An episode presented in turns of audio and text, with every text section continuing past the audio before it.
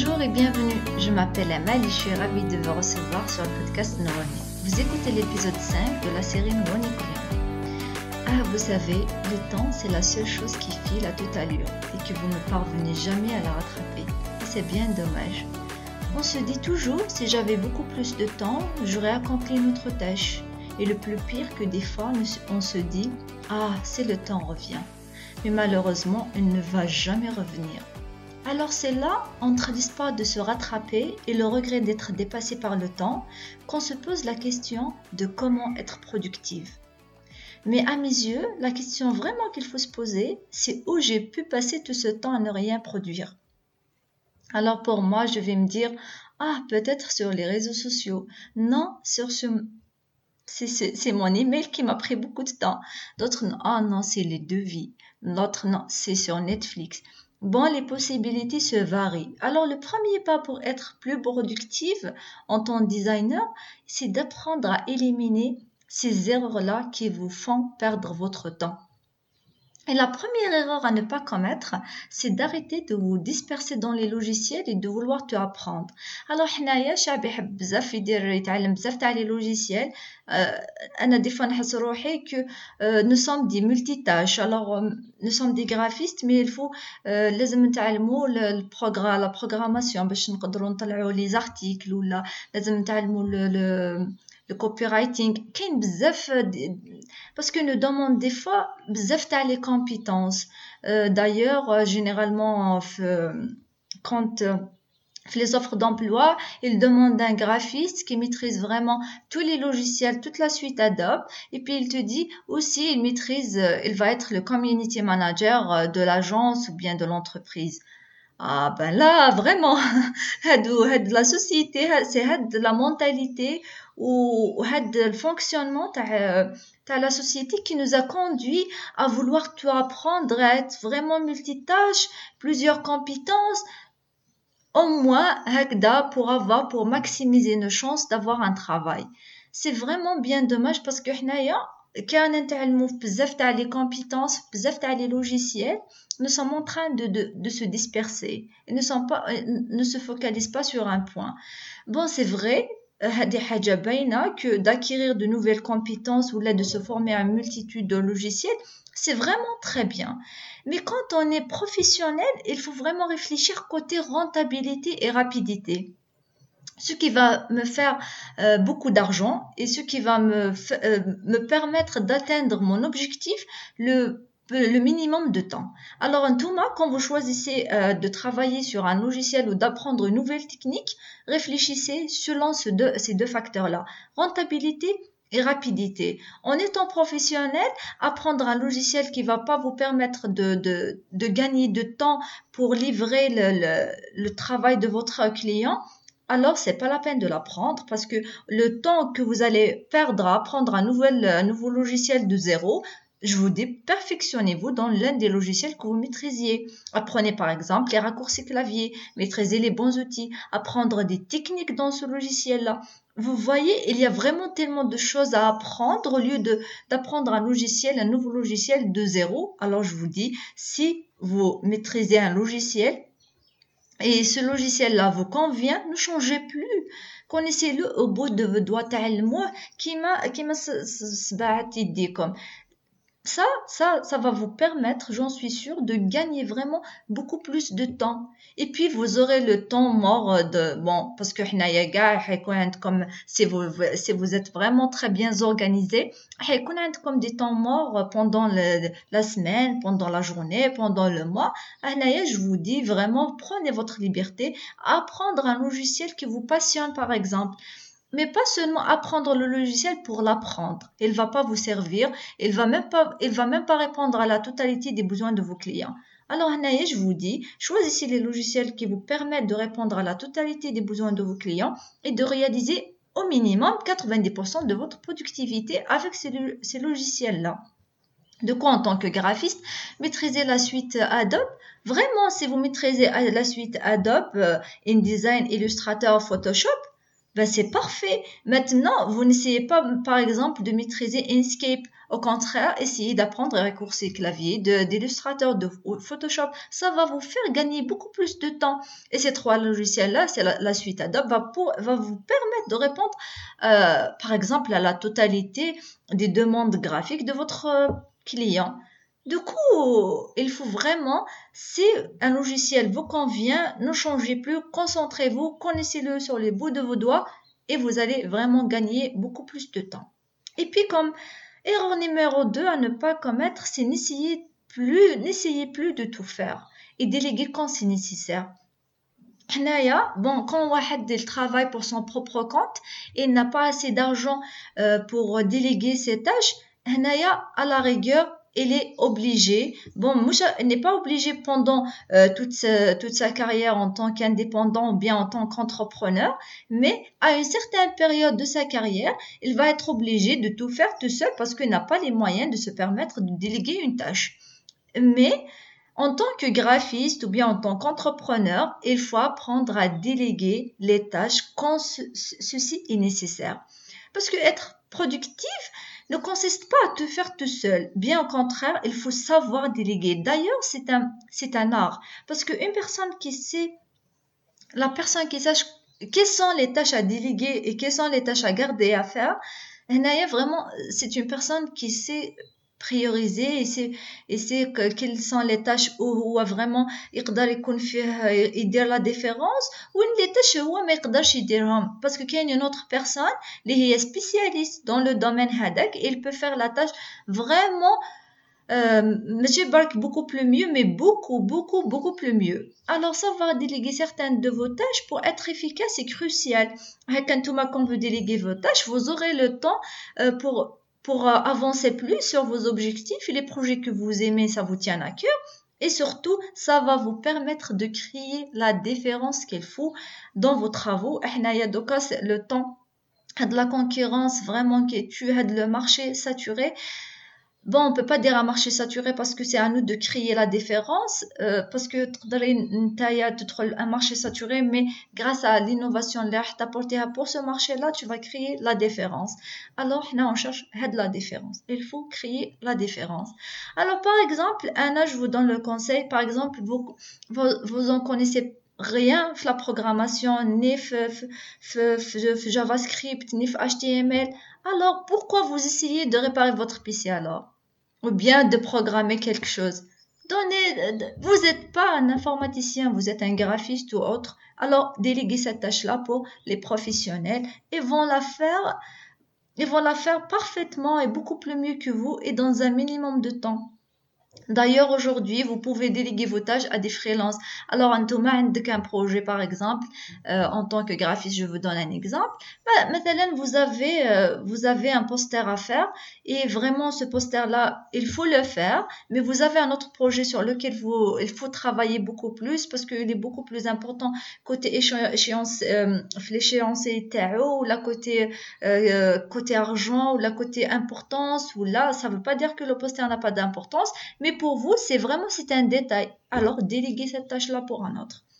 Et pour, bah, par exemple, ces jours, ces derniers mois ou ces dernières années, on voit vraiment que la demande qui se, euh, se répercute sur les community managers parce que il est vraiment en montée parce que actuellement les, entreprises ou là les agences ils sont pas spécialisés dans les réseaux sociaux. Alors ils dé, ou là, euh, ils déliguent ils déliguent leur tâche euh, cette cette tâche là de gérer leurs réseaux sociaux pour des community managers parce que un community manager il se connaît un peu plus sur la, gestion des réseaux sociaux euh, sur comment sur le, comment faire un planning éditorial, un calendrier éditorial, comment faire les rapports vers la fin de mois ou bien vers la fin de six mois, ça, ça, ça dépend de la stratégie euh, marketing euh, euh digital Du coup, déléguez vos tâches dès que possible. Alors en tout cas, si vous voyez que cette tâche-là va vous faire perdre beaucoup de temps, vous pouvez gagner ce temps-là en déléguant cette tâche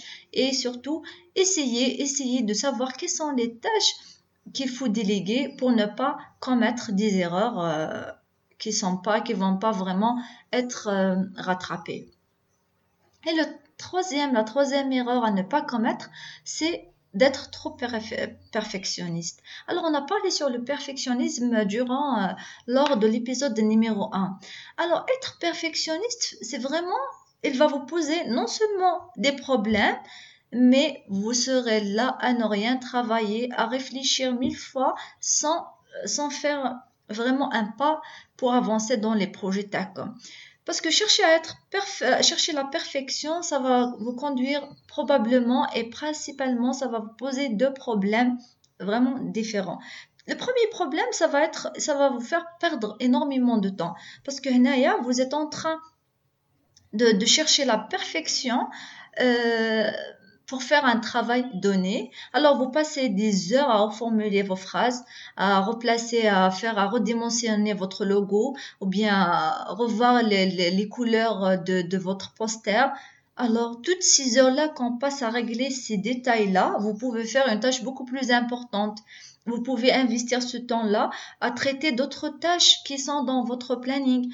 Alors, ne cherchez pas à être perfectionniste lâchez-vous, lâchez-vous et laissez-vous libre et ne, réfléchissez pas euh, que ce travail doit être parfait. Bien au contraire, commencez le travail. Si vous aurez le temps après, revenez et voir ce qui, ce, ce qui manque, par exemple.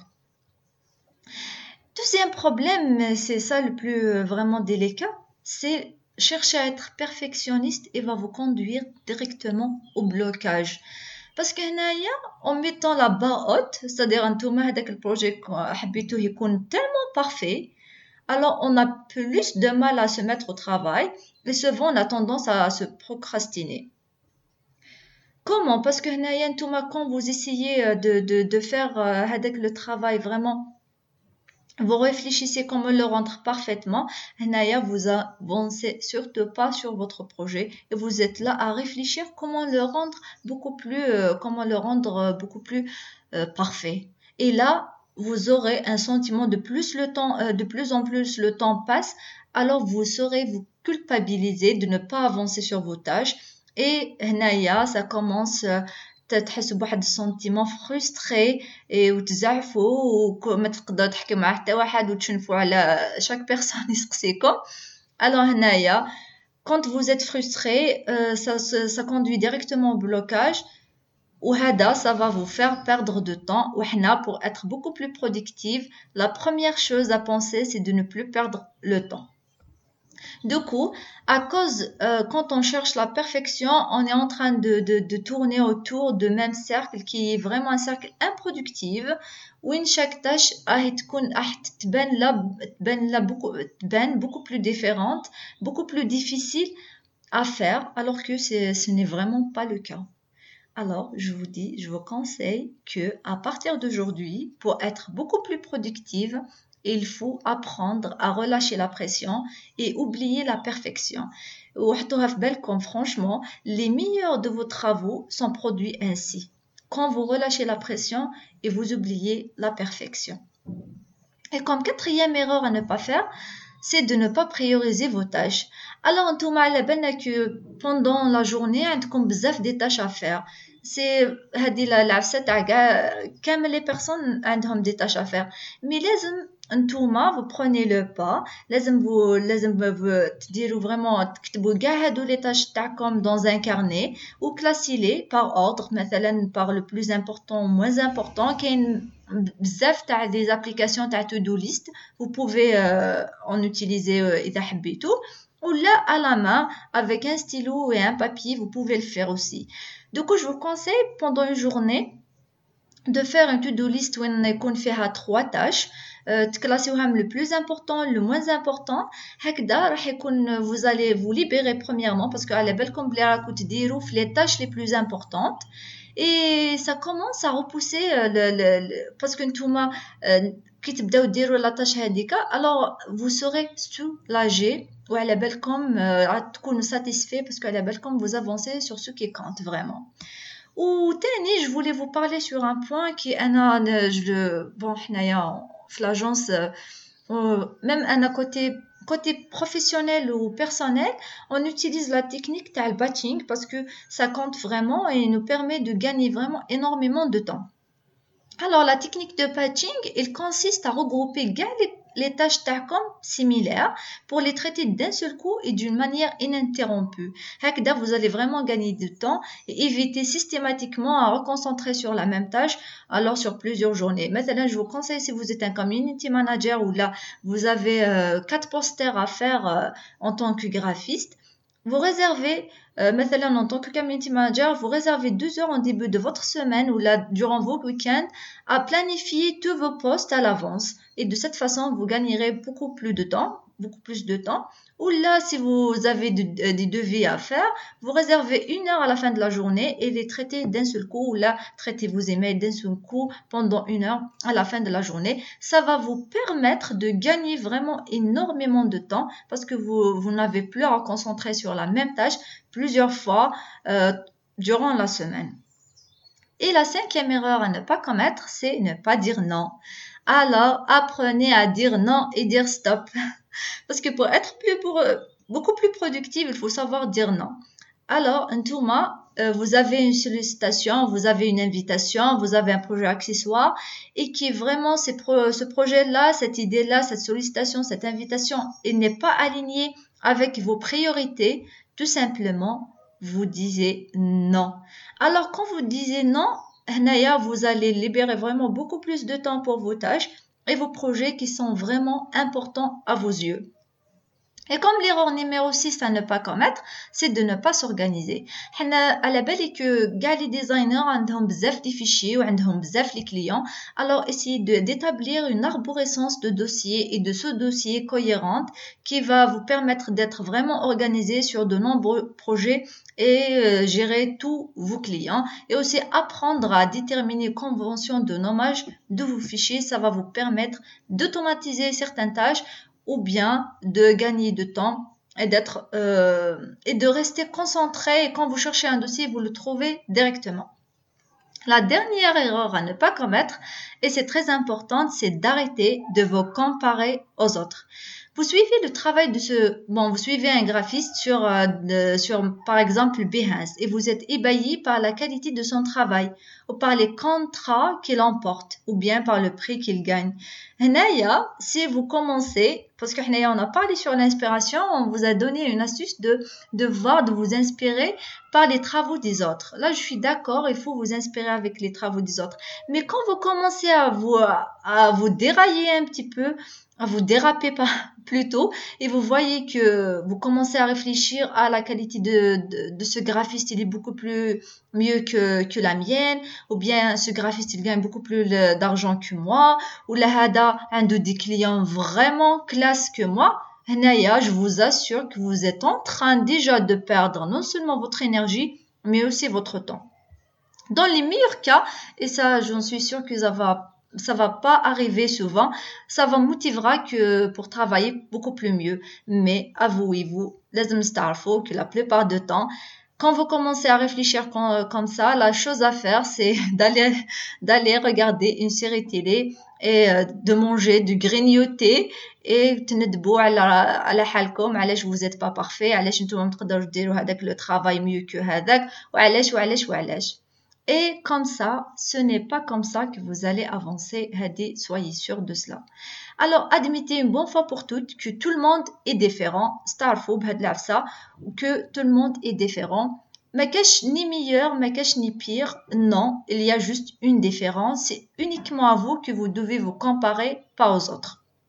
لازم تتعلموا تكومباريو روحكم بروحكم باسكو ا شاك فوا كومباريفو كيفاش كنتو لو موا باسي كيفاش كنتو لاني ديرنيير اي هكذا لازم تكونوا ا شاك فوا كون فو كومباري لازم تكونوا شاك فوا فو فيت لا كومباريزون تكونوا ميور على واش كنتو لي فوا باسي Alors, et vous, je veux vous demander quelles sont vos erreurs à ne plus commettre pour être plus efficace.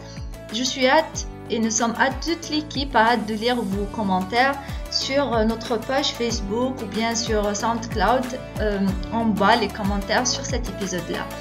Et en dernier, je vous dis si vous aimez toujours les Déto Podcast, abonnez-vous sur SoundCloud et partagez-le autour de vous. Et si vous voulez rejoindre le programme de 7 jours pour être plus productif, n'hésitez surtout pas à s'inscrire à la newsletter de podcast. Sur ce, je vous dis à très vite.